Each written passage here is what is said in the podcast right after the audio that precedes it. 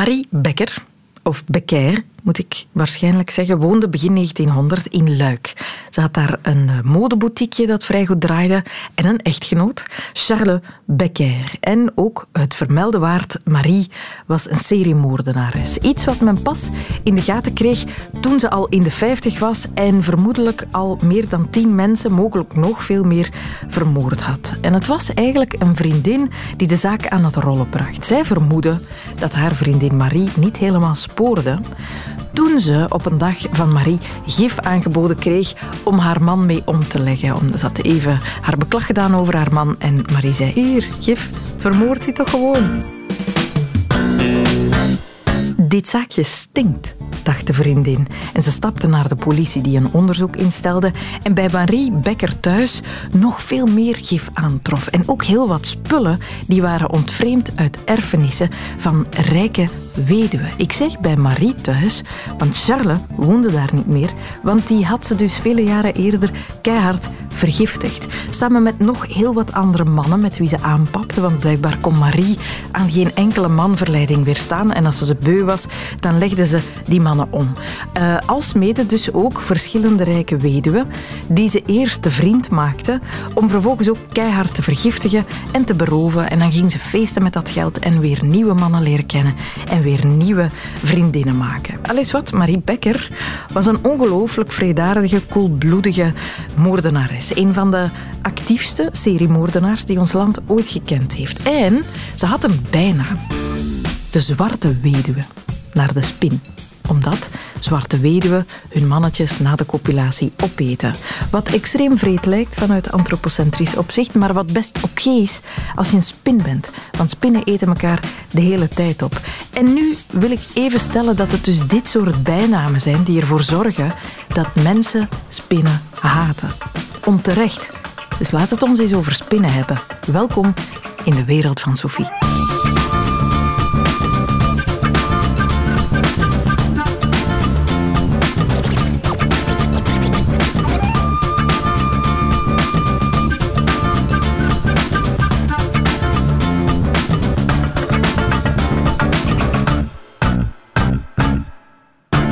De spin is een van de meest gevreesde wezens op aarde. Een spinnenfobie dat moet een van de meest gangbare fobieën zijn die in de wereld voorkomt. U kent zeker en vast iemand die bang is van spinnen of u heeft zelf schrik voor spinnen. Dat is normaal. Dorianne Ausums bijvoorbeeld. Zij is radiopresentator bij M&M en zij is ook bang voor spinnen. In haar geval is het een grote angst voor spinnen. Ze is panisch, al sinds haar zesde. En die spinnenhaat die is ondertussen zo erg geworden dat het haar leven voor een stuk bepaalt. Anke van Meer zocht haar op.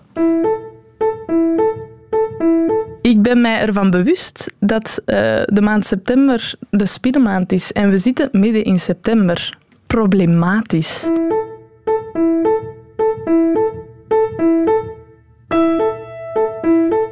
Spin is ook al een heel vies woord. Hè? Zo die i, die i maakt het zo... En die s maakt het ook scherp. En ik zie, maar ik zie automatisch... Ik zie eigenlijk, als ik een spin, dan zie ik ook al meteen die dunne, lange poten, zo traag. Soms ook snel uh, voorbewegen. Ja, nee, ik kan dat niet. ik kan er eigenlijk niet te lang over nadenken. Waarom ben ik hier zelfs eigenlijk? Ja.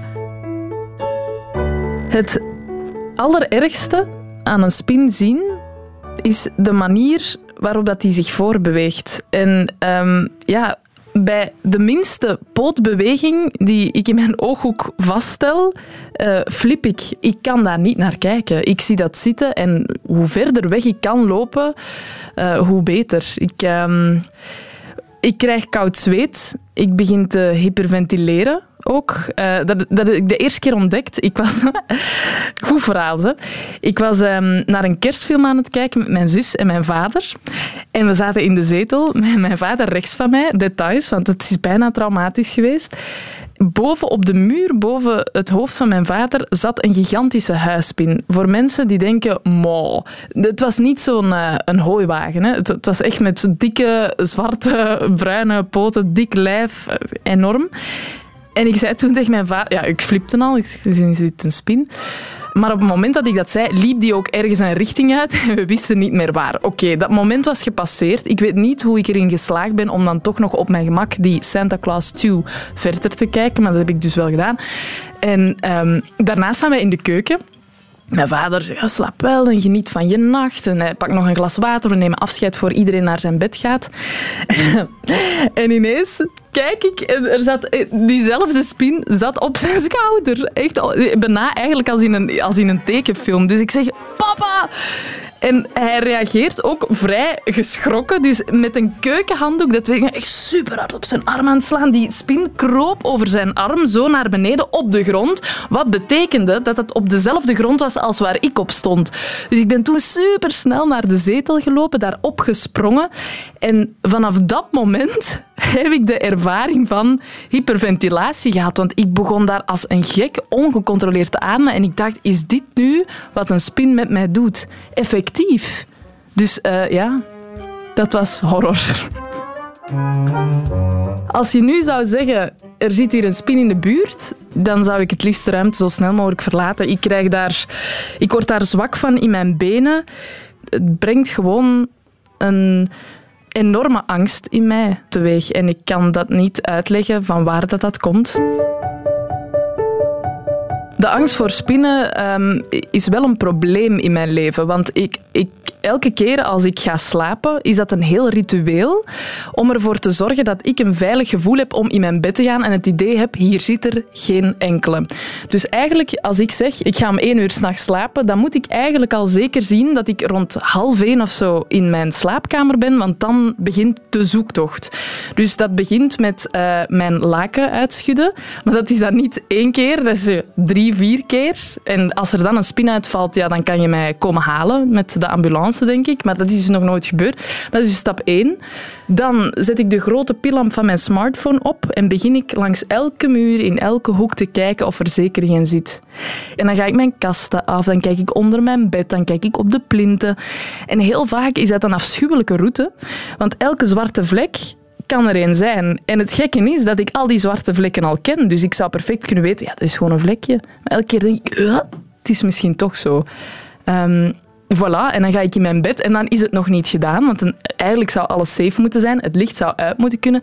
Maar dan begin ik op het plafond te kijken, want stel je voor, stel je voor dat ik s'nachts ineens wakker word omdat er een spin vanaf het plafond gesprongen is in mijn nek. Ik zeg maar iets, dus dat moet ook nog eens helemaal afgescand worden met mijn ogen.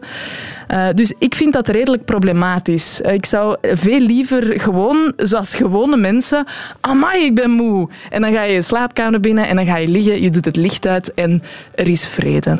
Maar bij mij is dat nooit rustig en zelfs als het licht uit is, denk ik nog altijd, het zou nog wel eens kunnen.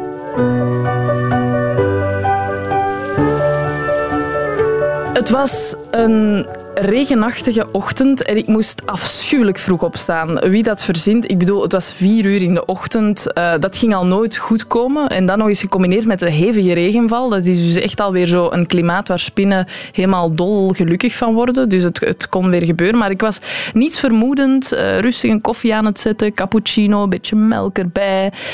En ja, ik kan dat eigenlijk al... Ik moeilijk om, dat, om terug naar dat moment te gaan. Maar ik keek toen naar de muur bij mijn eettafel. Ah, en de manier... En er, ik heb daar geen ander woord voor. Er kroste een spin van de ene naar de andere kant. Los achter mijn gitaar. Achter mijn gitaar. Mijn gitaar is donker van kleur. Houtkleur. Daar die bruine spin achter. Onvindbaar. En ik moest op dat moment ook echt naar mijn werk. Maar op dat. Alles moet wijken. En toen... Ik weet, ik had een trui aangedaan. Ik had een jas aangedaan, want ik stond vertrekkens klaar. Het was heel slecht weer. Ik kreeg het heet. Ik heb toen alles uitgesmeed, want ja, ik moest nog aan de zoektocht beginnen. En wat ik dan doe, is mijn stofzuiger gaan halen en met heel veel moed en trillende armen en benen en handen die spin opstofzuigen. Want ik kan ook niet anders. Het idee dat ik straks na mijn werkdag weer thuis kom en dat die spin daar ergens nog kan zitten, dat is voor mij het, ja, de, dat gaat gewoon niet. Dus um, dat kan mijn moed bepalen. Ik, ik ben daar slechtgezind van. Ik voel een angst in mijn lijf die ik niet echt heel goed kan verklaren.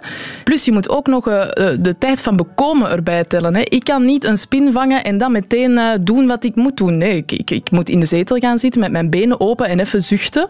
En denken, het, het, voilà, voilà, dit is weer het leven. Ik moet het weer meemaken. En ik lach daar niet mee. Dat is echt, ik, ik ben nu niet, ik ben niet als het humoristische als een grap aan het vertellen. Ik meen dat echt. Ik, ik ben daar echt een, ja, lang niet goed van. Maar dat is stom, hè? Ik weet dat dat stom is, want nu zijn mensen aan het luisteren en denken oh god, toch jij een spinnetje. Hier, ik zal hem eens oppakken. Wat dat heel vaak wordt gedaan. Denk ik, nee, nee, nee, nee, nee. Dat is voor mij wel iets helemaal anders. Ja, ik, ik vrees nog steeds dat, dat dat ooit mijn dood wordt als ik in de auto stap en er gaat zo'n huispin in mijn nek vallen of zo, ik weet niet wat er gebeurt. Ik heb de controleverlies alom. En dat is nu net hetgene wat niet mag gebeuren in een auto natuurlijk. Hè, want dan moet je letten op het verkeer en op elkaar en op jezelf ik zit al lang met het idee om uh, daar toch iets aan te doen. Om, uh, ik weet dat er cursussen bestaan um, of ja, bepaalde dingen die je kan doen om uh, te dealen met die fobie, zodat ik ook op een um, iets eenvoudigere manier door het leven kan gaan. Want ik zeg het, het is echt wel, het is heel aanwezig. Ik ben mij in heel veel nieuwe ruimtes bewust, zou er hier een zitten? Ik denk daar altijd wel over na. Nu niet constant, maar heb je een witte muur en er is een zwart stipje op, dan ga ik al in paniek paniekmodus. Ik vind dat niet normaal. Ik zou liever gewoon in die ruimte willen staan en denken, ah, maar dat is hier mooi geverfd of zo. Of, of, of niet mooi geverfd. Dus uh, dat maakt dat ik wel uh, op zoek ben naar um, iemand die mij daarbij kan helpen. Maar ik heb eens gehoord dat dan een van de stappen zijn dat je naar... Uh, dus fase 1 is dan bijvoorbeeld naar de spin kijken in een glazen dat vind ik, nee, dat kan ik, dat kan ik zelfs nu weer al niet vertellen. Dus je moet dan kijken hoe dat die spin bijvoorbeeld van links naar rechts in dat um, glazen ding kruipt. Sorry, ik, daar wil ik geen tijd aan geven. Dat vind je afschuwelijk. Ik ga daar uh, heel veel moed voor moeten verzamelen. Maar ik denk dat het wel niet alleen voor mij, maar ook voor mijn vrienden en familie wel eens heel handig zou kunnen zijn. Dat ik niet altijd meteen flip als, uh, als iets nog maar in de buurt komt van misschien is het wel een spin. Dorianne Ausems hoorde je gruwelt van spinnen, want ze zijn onvoorspelbaar en geniepig en lelijk. En wie weet, wat zijn ze eigenlijk allemaal met je van plan? Dat is een goede vraag eigenlijk. Wat zijn spinnen allemaal met ons van plan? Daarvoor heb ik Koen van Keer gecontacteerd. Hij is spinnenexpert van de Belgische arachnologische vereniging Arabel. Want het is september wanneer deze podcast opgenomen wordt. En dat is de maand dat ze echt overal zitten met hun dik lijf en hun lange poten in de hoeken van elke kamer, plots boven je op het plafond in de kast. Waarom, vroeg ik, zitten die nu ineens zo massaal in onze huizen? Dus uh, het is eigenlijk erger dan dat voor sommige mensen. Namelijk, ah, die spinnen zitten heel de tijd al uh, in huis. Dat zijn huisspinnen ook die we meestal zien. Dus die noemen niet toevallig zo. Uh, die, die wonen in huis, dus die, maar die zitten meestal in hun web. In de kelder, op zolder, in de garage en ook aan uw huis, hè, aan de buitenkant van uw huis. En wat er gebeurt nu, deze periode, is dat de mannetjes volwassen worden en uh, die moeten dan op zoek gaan naar een vrouwtje, uiteraard, om zich voor te planten. En dan moeten die hun web verlaten en uh, beginnen rondlopen op zoek naar een vrouwtje. Ah, dus dit, het is paartijd? Het is voor die huisspinnen is het inderdaad paartijd, ja.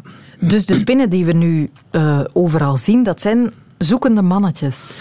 Ja, in de allermeeste gevallen is dat zo. En je kunt het een beetje vergelijken bij mijn, mijn vader Zaliger, als ik begon uit te gaan vroeger, die zei altijd van... Uh, als je, eh, je moet ze niet uh, tegen de muur zitten hangen als een muurbloempje, want de vrouwen gaan niet naar je toe komen. Uh, je moet op de dansvloer gaan, je moet op zoek gaan.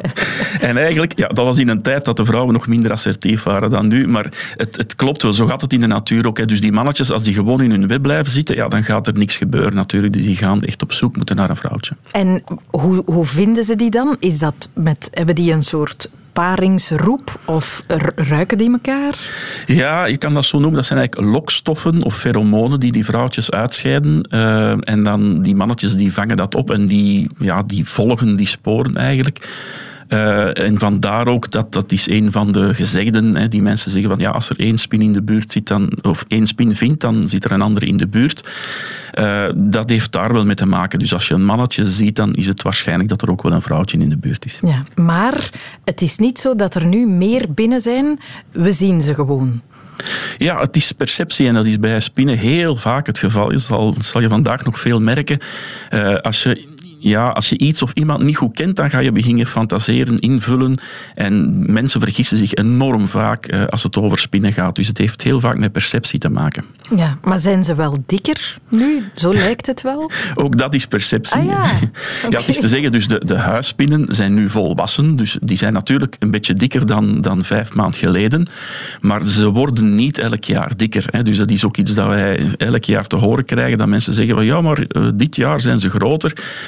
Uh, dat klopt uiteraard niet. Hè. Zo snel gaat het ook allemaal niet, die evolutie. Maar dat is gewoon omdat mensen, dat is ook een psychologisch onderzocht trouwens, hè, mensen die bang zijn voor spinnen, die gaan de grootte van die spin stevast veel te groot inschatten. Ja, ja is het waar? Ja. En ook denken dat ze sneller zijn en vreselijker dan, je, dan ze in realiteit zijn. Ja, en zoals uw collega getuigde, hè, dus de manier waarop die zich bewegen wordt dan ineens uh, ja, onvoorspelbaar en gruwelijk en, en creepy en noem maar op. Dat is gewoon uw, uw angst die u dat vertelt uiteraard. Een spin ja, eh, loopt niet zo verschrikkelijk anders dan, ik zeg maar iets, een kakkerlak of een mier of een, uh, of een vlieg. Hè. Dus het is, eigenlijk is het puur in, in het hoofd van de, van de persoon die bang is. Mm -hmm. Misschien, want u zegt, hè, we kennen ze niet goed genoeg, laat ons de spinnen dan beter leren kennen. Hè. Mm -hmm.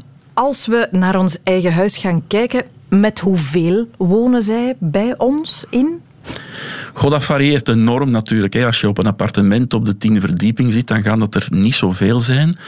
Uh, maar in een gewoon ja, gemiddeld rijhuis, zullen we maar zeggen, ook dat is nog een beetje afhankelijk van waar dat je woont. Uh, als je echt bij een natuurgebied woont, dan gaan er veel prooien binnenkomen in je huis.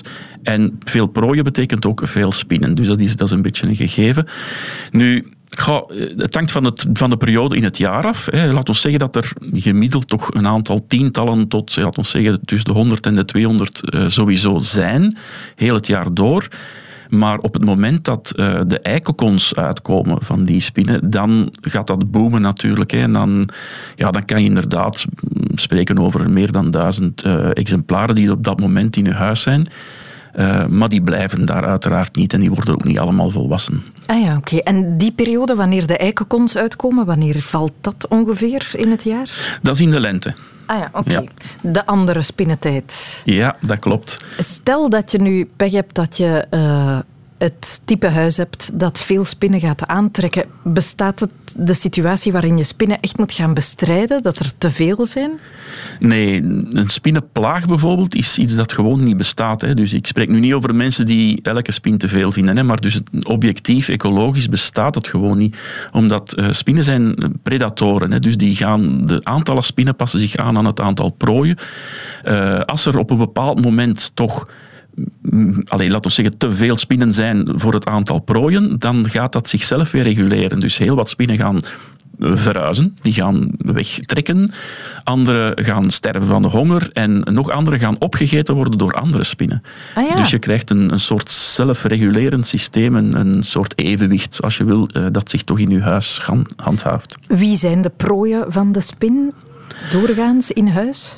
Goh, dat is juist het voordeel van spinnen, die eten alles. Dus spinnen zijn alleseters. Uh, er zijn maar een paar soorten bij ons die echt gespecialiseerd zijn. Uh, de roodwitte celspin bijvoorbeeld is een soort die vaak in onze tuinen zit en die is gespecialiseerd in pissebedden, dus die eet bijna niks anders. Maar voor de rest zijn dat echt alleseters. En dan hangt het een beetje af van het soort web dat ze maken. Dus uh, mensen denken meestal aan zo het wielweb als ze aan een spin mm -hmm. denken. Uh, maar dat ga je in huis niet vaak tegenkomen. Hè. In huis heb je meer die matwebben. Hè, zo ja, echt. dat is juist. Ja, en dat in zijn dan hoeken. die huisspinnen. En dus naar gelang het type web gaan die ook een ander soort prooi vooral vangen. Ah ja, maar dus muggen, vliegen, al dat soort uh, kleine insectigheden, dat eten ze Absoluut. En we hebben zelfs een, een specialist uh, die muggen vangt. En dat is de getijgerde lijmspuiter die in onze huizen leeft. Goeie naam. En, ja, en een heel mooi beestje ook. Uh, met een mooie tekening. En dat is, die maakt geen web, dus die loopt gewoon uh, s'nachts over uw muren. En als die uh, een mug uh, tegenkomt, dan spuit hij daar twee lijmstralen over, uh, zodat die mug tegen de muur plakt en dan gaat ze die leeg slurpen. Geniaal, maar ik snap ook een beetje angstaanjagend, de, de getijgerde Oh, maar ik denk dat is een spinnetje dat niet veel mensen bang voor zijn, hoor. Want dat is echt klein, dat heeft niet zo echt grote, dikke poten. Of de, dus dat valt vaak nog mee. Ja. De andere spinnen die bij ons komen wonen, dat zijn de huisspinnen. Ja. Zijn daar verschillende variaties in te onderscheiden? Ja, we hebben eigenlijk drie soorten huisspinnen die, die vaak in onze huizen voorkomen. Dat is, de kleinste is de grijze huisspin. Uh, dan heb je de gewone huispin, uh, die eigenlijk het donkerst is ook, waar uh, mensen dan vaak nog het meest van schrikken als die op een lichte ondergrond zit. Maar dan heb je ook nog de grote huispin. En oké, die is groot. Die is groot, ja. En die mannetjes kunnen poten hebben tot 7 centimeter lang. Dus uh, dan krijg je echt een, wow. ja, een oppervlakte van een hand eigenlijk. Echt, hè, ja. Amai, wauw. Oh, dat is degoutant. En komen die vaak voor? Die komen heel vaak voor en hoe langer hoe meer, ja. Ah ja? Hoe komt dat? Omdat ja, die dat sterker een, zijn? Nee, dat is een, een warmteminende soort. Die komt eigenlijk uit het zuiden. En uh, ja, de omstandigheden zijn beter. En op een aantal plaatsen hebben we echt kunnen vaststellen dat die de gewone huispin uh, verdringt. Mm, Wauw. Zou die uh, durven bijten? De grote of ja, eigenlijk alle huisspinnen? Ik heb daar experimenten mee gedaan. Ik heb uh, een boek geschreven en, en daarvoor wou ik te weten komen wat de effecten waren van, van bepaalde spinnenbeten. En ik heb echt geprobeerd hoor. Ik heb echt uh, huisspinnen vastgenomen, uh, gefolterd, tegen mijn huid gedrukt met hun gifkaken. maar die, die nog liever dan dat ze mij beten. Dus dat is heel moeilijk toch om gebeten te worden door een huisspin. Amai, wauw. Ah ja, ik dacht, als die zo, stel dat die in bed geraken bij je en je rolt erop, dat die dan al wel eens uit een soort verdediging durven? Huisspinnen, uh, zo goed als zeker niet. Dus er zijn een paar andere soorten uh, die, ja, als ze inderdaad plat gedrukt worden, die dat wel uh, zullen doen. Dat, is dat die lijmspuiter weer? Nee, nee, nee, nee, absoluut niet. Die is ook heel veel te klein en die archiefkaken gaan absoluut niet door de huid.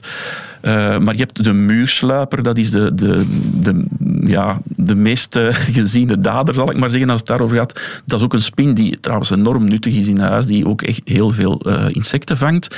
Maar als die bij haar jacht s'nachts tussen uw lakens belandt en je rolt daarop en ja, die is gedrukt met archiefkaken, ja, hoe zou je zelf zijn? Die moet dan echt in, in uiterste paniek moet die bijten. Mm. En dat merk je dan s'morgens wel, dat is een, een beetje jeuk. Dat is jeuk. Dat gaat niet verder dan jeuk. Nee. Oké. Okay. Zijn er gevaarlijke spinnen buiten ons huis, in ons land, te vinden? In ons land is geen enkele gevaarlijke spin voor de mensen. Nul, niks? Niks. Ook geen kruisspinnen of zo? Nee, absoluut niet. Die zijn niet... Ik heb altijd geleerd dat je best wegblijft van de kruispin. Maar dat is echte onzin, hoor. Ah. Ja. Oké, okay, nul gevaarlijke spin. Je kan niet sterven door een spin in België. Zeker niet. Dat is al geruststellend, denk ik, mm-hmm. voor al wie uh, enigszins fobisch is. Uh, de meeste mensen willen ze graag het huis uit. In principe hoef je ze niet te reguleren, dat heb ik al begrepen.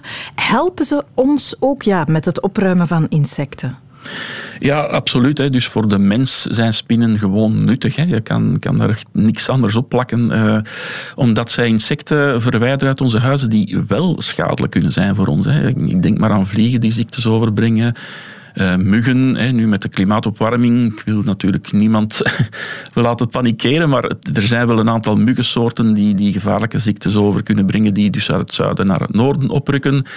Uh, dus uh, dat zijn wel allemaal dieren die niet goed zijn voor ons in huis en spinnen ruimen die op. De spinnen kunnen niks overdragen zelf? Nee, absoluut niet. Hmm.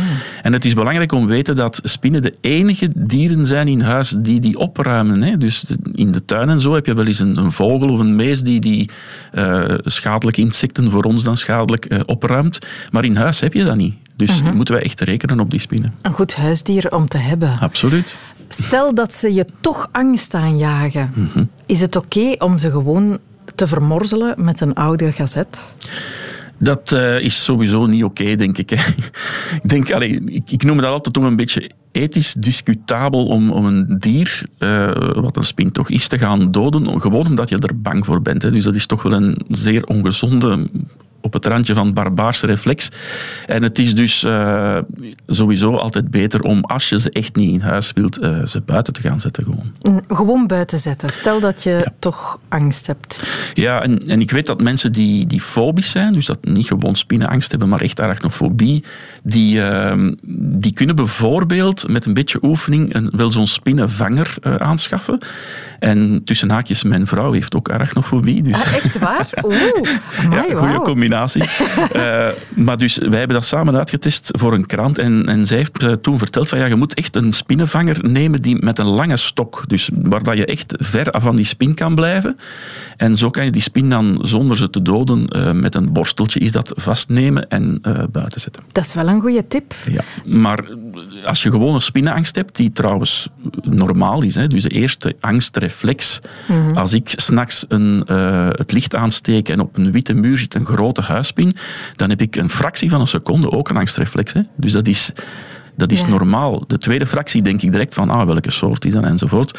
Maar dat is normaal. Dus uh, daar moet je misschien ook zelfs niks aan doen. Hoe zou het komen eigenlijk dat we de spin zo beladen hebben met zo'n verschrikkelijk imago, terwijl dan bijvoorbeeld de banale mug tien keer vervelender en gevaarlijker, en voor ons is. Ja, ja.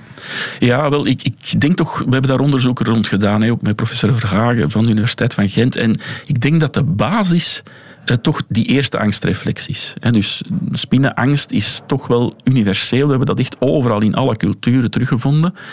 Uh, maar de vraag is altijd dan, wat doe je daarmee? En in onze cultuur wordt dat echt gecultiveerd. En zeker vroeger... Uh, ik herinner me echt nog heel veel krantenartikels waar ik dan uh, klachten voor naar de krant schreef om, om te zeggen van dit kan echt niet om, uh, om dan maar te zwijgen over films waar spinnen echt een heel negatieve rol in spelen.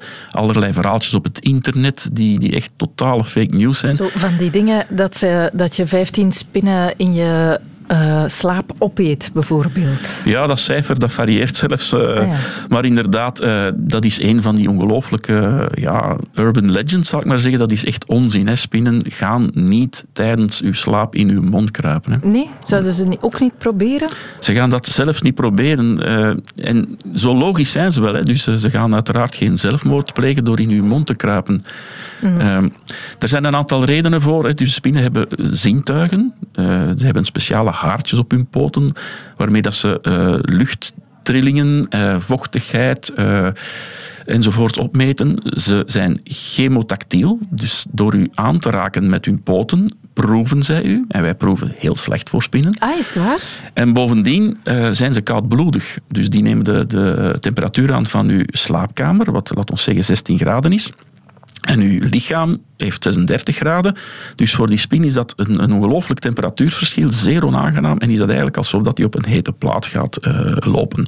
Dus dat zijn allemaal redenen waarom een spin niet in uw mond gaat kruipen. Die wil met ons niks te maken Absoluut hebben. niet.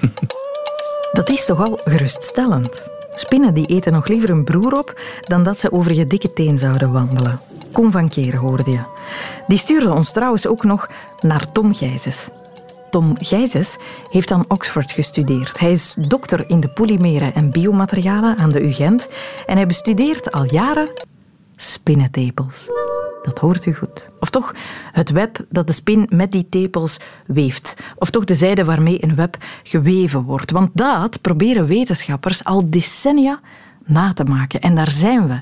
Na al die decennia diep nadenken door al die mega slimme mensen nog altijd niet helemaal ingeslaagd. Wel, spinnenzijde, dus één zo'n beestje om een web te maken, heb je eigenlijk al vijf verschillende soorten zijde nodig. Mm -hmm. um, en dat komt allemaal uit het achterlijf van, van één spin eigenlijk. Dus ze heeft een, een heel arsenaal aan um, verschillende spintepels die eigenlijk een web kunnen maken. Dus een web is gemaakt uit vijf verschillende types zijde. Ja. Um, en ja, het wordt allemaal door één beestje gemaakt en is op kamertemperatuur um, heel milieuvriendelijk eigenlijk. Maar dat beestje heeft dus ook miljoenen jaren geëvolueerd om dit te kunnen doen. Ja, maar dus één spin produceert vijf verschillende soorten draden om één webje te construeren. Ja, ja, ja. Dat is fenomenaal. En dat komt, sorry, ik ben echt een leek, hè. dat komt uit spinnentepels. Ja, um, in het achterlijf van de spin zit er een heel arsenaal van uh, spintepels eigenlijk, allemaal met verschillende types zijden. Um, zo heb je een kleefstof, uh, speciaal om eigenlijk um, draden te verankeren aan uh, muur of plafond. Mm -hmm. Of om te kunnen klimmen eigenlijk, eigenlijk voor een levenslijn vast te maken. Dan hebben ze een draad eigenlijk die de radialen van het web maakt. Dan hebben ze ook nog een draad, speciaal een niet-kleverige draad die een spiraal van uw, uw web maakt, zodat ze zelf niet kunnen vastzitten in hun web. Mhm. Dus het is enkel deze draad dan ze eigenlijk vastnemen in hun web. En dan hebben ze ook nog een, um, ja, een hele kleverige draad, uh, ook een spiraaldraad, die dan gebruikt wordt om uh, prooien te vangen, die enorm veel energie kan absorberen. Dus als er een vlieg in het web vliegt eigenlijk, dan is dat die zijde kan die eigenlijk enorm veel energie absorberen van het beestje om het in, ja, in het mhm. web te houden. Dat is geniaal. Ja, ja. Dat is geniaal. Nooit bij stilgestaan dat een web uit verschillende soorten draadjes bestaat. En die spin die doet dat eigenlijk uh, automatisch. Zonder voorbedachte raden weet hij, ah, nu ga ik naar tepel 3 overschakelen, nu heb ik even tepel 2 nodig. Um, dat weet ik eigenlijk niet. Of ja. dat, uh, zou kunnen. Maar, ja. maar um, dat wat de spin kan, dat is iets wat wij als mens niet kunnen evenaren. Um, voorlopig nog niet, nee.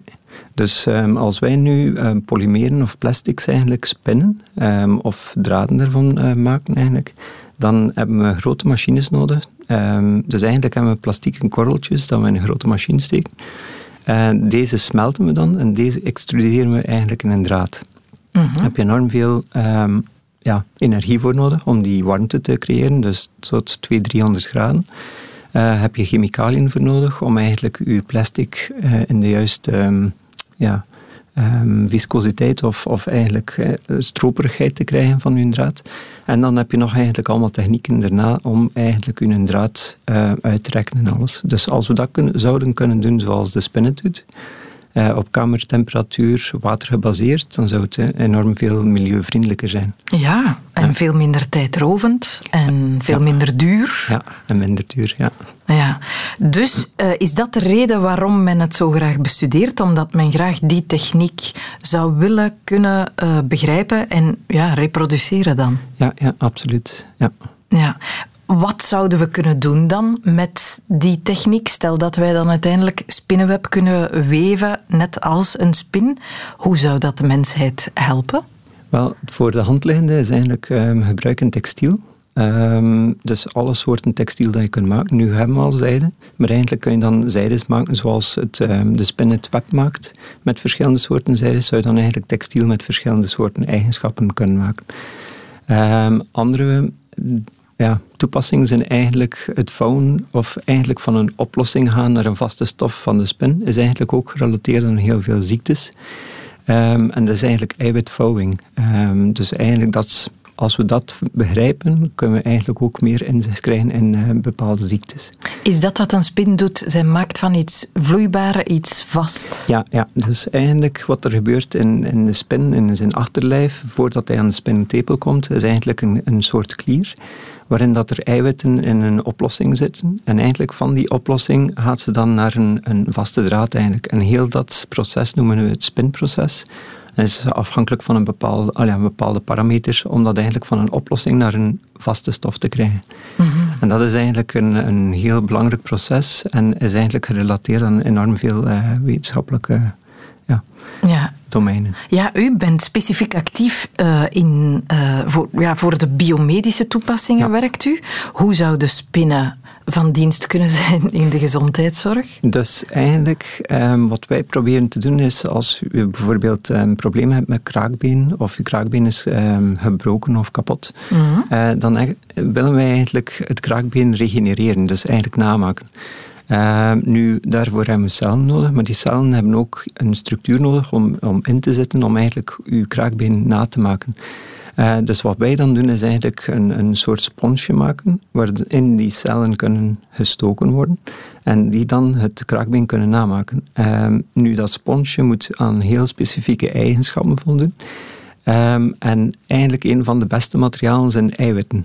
Dus omdat dat ook in het lichaam voorkomt, is dat dan ook gemakkelijk dat als je het van eiwitten maakt eigenlijk, dat dat kan terug afgebroken worden, dat dat uh, geen immuunrespons veroorzaakt en, en niet afgestoten wordt door het lichaam. Dus eigenlijk moesten we al deze materialen kunnen maken van um, zijde, dan eigenlijk kun je enorm veel um, weefsels regenereren in je lichaam. Oh en daar zijn we eigenlijk mee bezig. Ja. Ook, ja. En hoe ver staan we daar al mee? Um, eigenlijk tamelijk ver. Um, de eerste trials in mensen zijn bezig nu met kraakbeen. Met kraakbeen gemaakt van, op, of op basis, op van het spinnenzijdeprocedé, ja.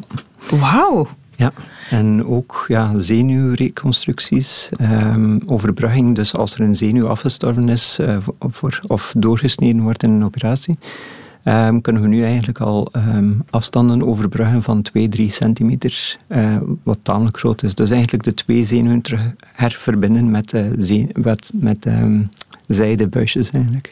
Maar dat is fenomenaal, hè? Ik veronderstel dat, uh, dat u enorm veel respect heeft voor de spin als beest, door dat zo lang te bestuderen. De spin is uh, ongelooflijk. Um, en zijde is maar één aspect van, van de spin eigenlijk, die, die uh, enorm uitblinkt. Het is een van de grootste dingen. Maar er zijn, er zijn nog enorm veel um, toepassingen eigenlijk. Nog een andere toepassing in ESA was um, kijken eigenlijk naar de springspin, naar het oog van de springspin, omdat deze afstand kan in, inschatten eigenlijk. Door gewoon naar een object te kijken kan het zeggen, ah, het is op zoveel meter en zoveel millimeter. Ja. En heel nauwkeurig. En dat hebben we eigenlijk ook zitten nabootsen of dat we het niet kunnen namaken eigenlijk. En? Dus, um, wel, we hebben een, een algoritme gevonden. Dat is eigenlijk een computerprogramma die eigenlijk door met gewoon een camera te kijken, dat we eigenlijk ook beginnen, kunnen eigenlijk afstand van, van een object inschatten door er gewoon naar te kijken.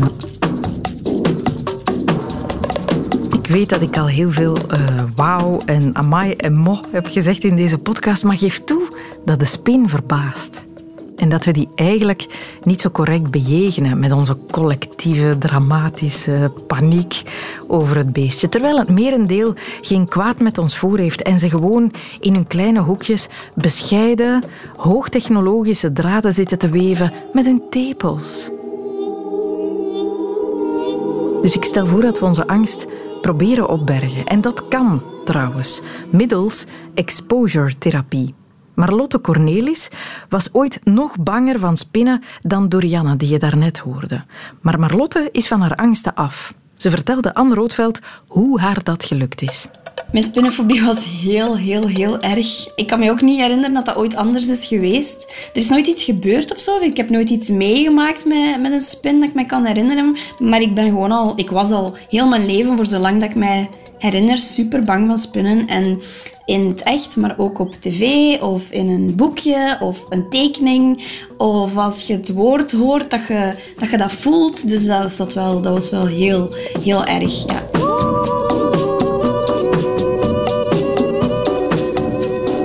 Als ik een spin zag, dat was uh, heel, heel hard verschieten. Echt maar buitenproportioneel hard schrikken. Ja, hoe groter, hoe erger was dat natuurlijk. Als er zo'n hele vieze huispin was, uh, die al eens zo heel snel durven passeren, um, dan was dat soms echt met, met blackouts. Ik heb echt een moment gehad dat er, een, dat, dat, ik, dat er een op een witte muur zat. En het volgende moment dat ik weet, is dat ik aan de andere kant van de kamer in een zetel zit. En daartussen weet ik niks meer. Dat is een fobie. Hè. Uw, uw brein vertelt u eigenlijk, of uw brein maakt u eigenlijk wijs dat dat, dat, dat buitenproportioneel gevaarlijk is. En, en dat je, je hebt het gevoel dat je gaat sterven. Je weet dat dat niet zo is. Want je weet, je bent niet dom, je weet dat dat maar een spin is. Maar het verschil tussen dat weten en dat voelen, dat is het probleem bij die fobie. Je, hebt daar geen controle over, je kunt dat niet, kunt dat niet controleren.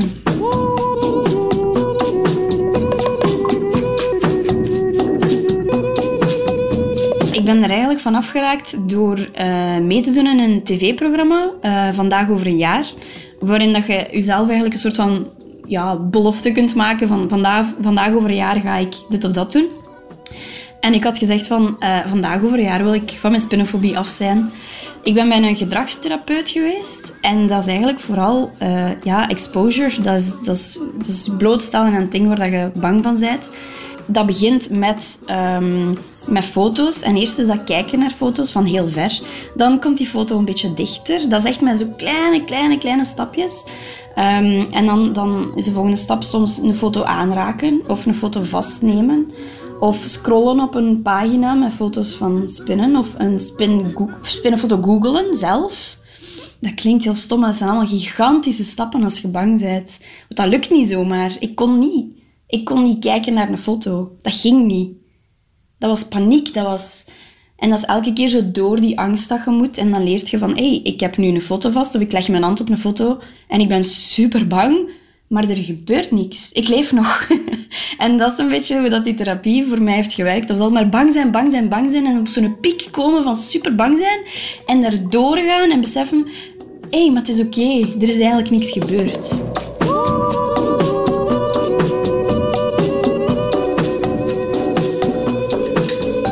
Zo gaat dat verder naar uh, zelf ene gaan vangen in een of andere kelder. Ik ben in heel veel kelders geweest, want daar kwam ik daarvoor niet. Dus dan is dat, dan is dat ook een stap van nu gaan we eens naar een kelder. Dan is de volgende stap, nu gaan we eens gaan kijken in de kelder waar dat er spinnen zitten. En de volgende stap is, nu gaan we eens in vangen. En zo gaat dat met hele kleine stapjes en heel traag verder en verder. Uh, maar het werkt wel, ja. Het heeft, het heeft wel gewerkt bij mij.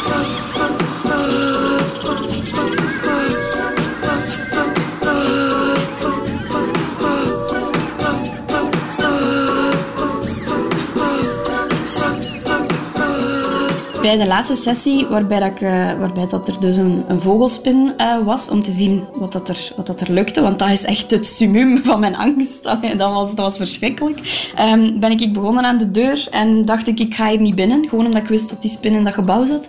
En dan na een kleine drie uur uh, heb ik die, die spin aangeraakt. Dan hield die mens zijn, zijn vogelspin vast. Dat was die mens zijn huisdier.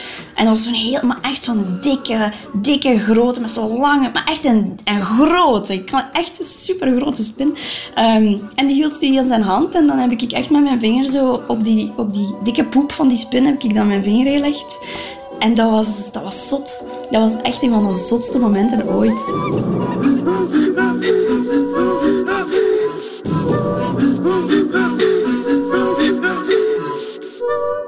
Je kan er dus van afgeraken, van je spinnenangst, met een beetje goede wil. En indien wenselijk, met een beetje een goede therapeut, kunnen we de spin samen in ere herstellen.